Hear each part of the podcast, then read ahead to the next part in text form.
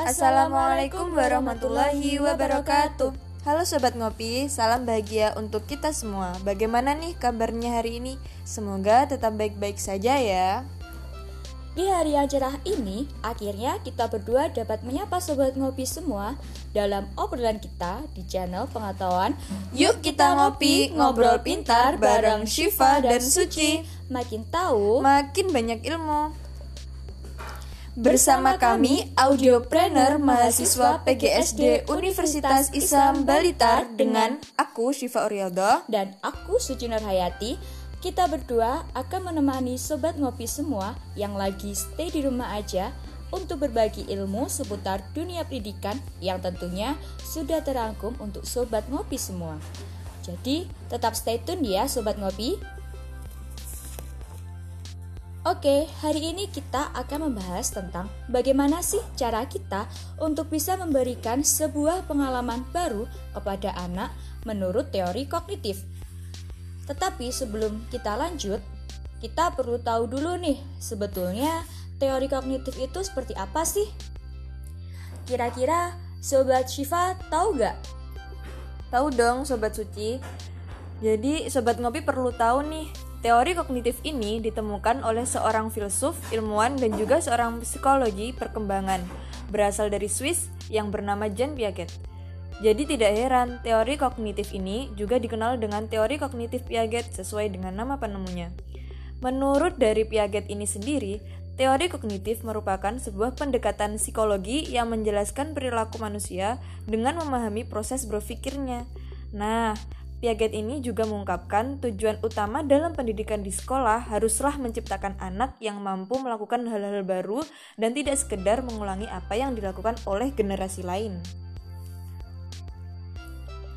Oleh karena itu, sobat ngopi, kita perlu tahu dan paham bagaimana cara kita untuk memberikan pengalaman-pengalaman itu kepada anak. Kita bisa mengambil contoh dari anak dengan rentang usia 6 sampai 11 tahun atau yang lebih dikenal dengan usia anak SD.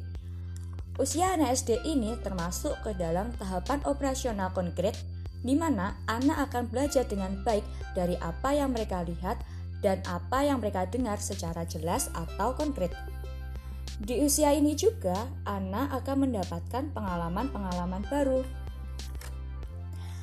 Kira-kira Sobat Shiva ada tips gak buat eh, kita untuk bisa mengajarkan kepada anak pengalaman-pengalaman baru? Ada dong sobat suci. Ini nih tips-tips yang bisa kita lakukan terhadap anak dalam masa perkembangannya. Pertama, buat anak merasa nyaman dengan kita.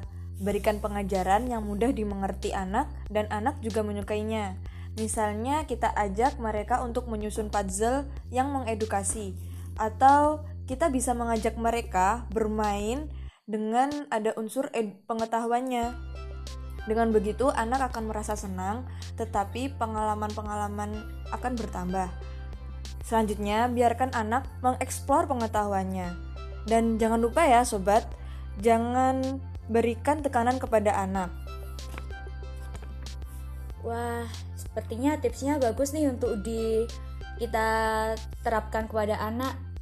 Terima kasih ya atas tipsnya, Sobat Shiva. Sama-sama. Udah gak kerasa nih kita udah di penghujung acara.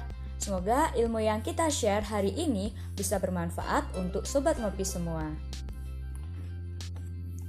Terima kasih sudah mendengarkan obrolan kita hari ini di channel Yuk kita ngopi, ngobrol pintar bareng Shiva dan Suci. Makin tahu, Makin banyak ilmu. salam sehat dan berbahagia dari kita. Jangan lupa tetap stay healthy dan stay di rumah aja. Salam entrepreneur Unisba Blitar, Kreatif, integratif, inovatif, Dan dan energik. energik. Selamat menunaikan ibadah puasa bagi yang menjalankan. Sampai jumpa di episode ngopi selanjutnya ya. Wassalamualaikum warahmatullahi wabarakatuh.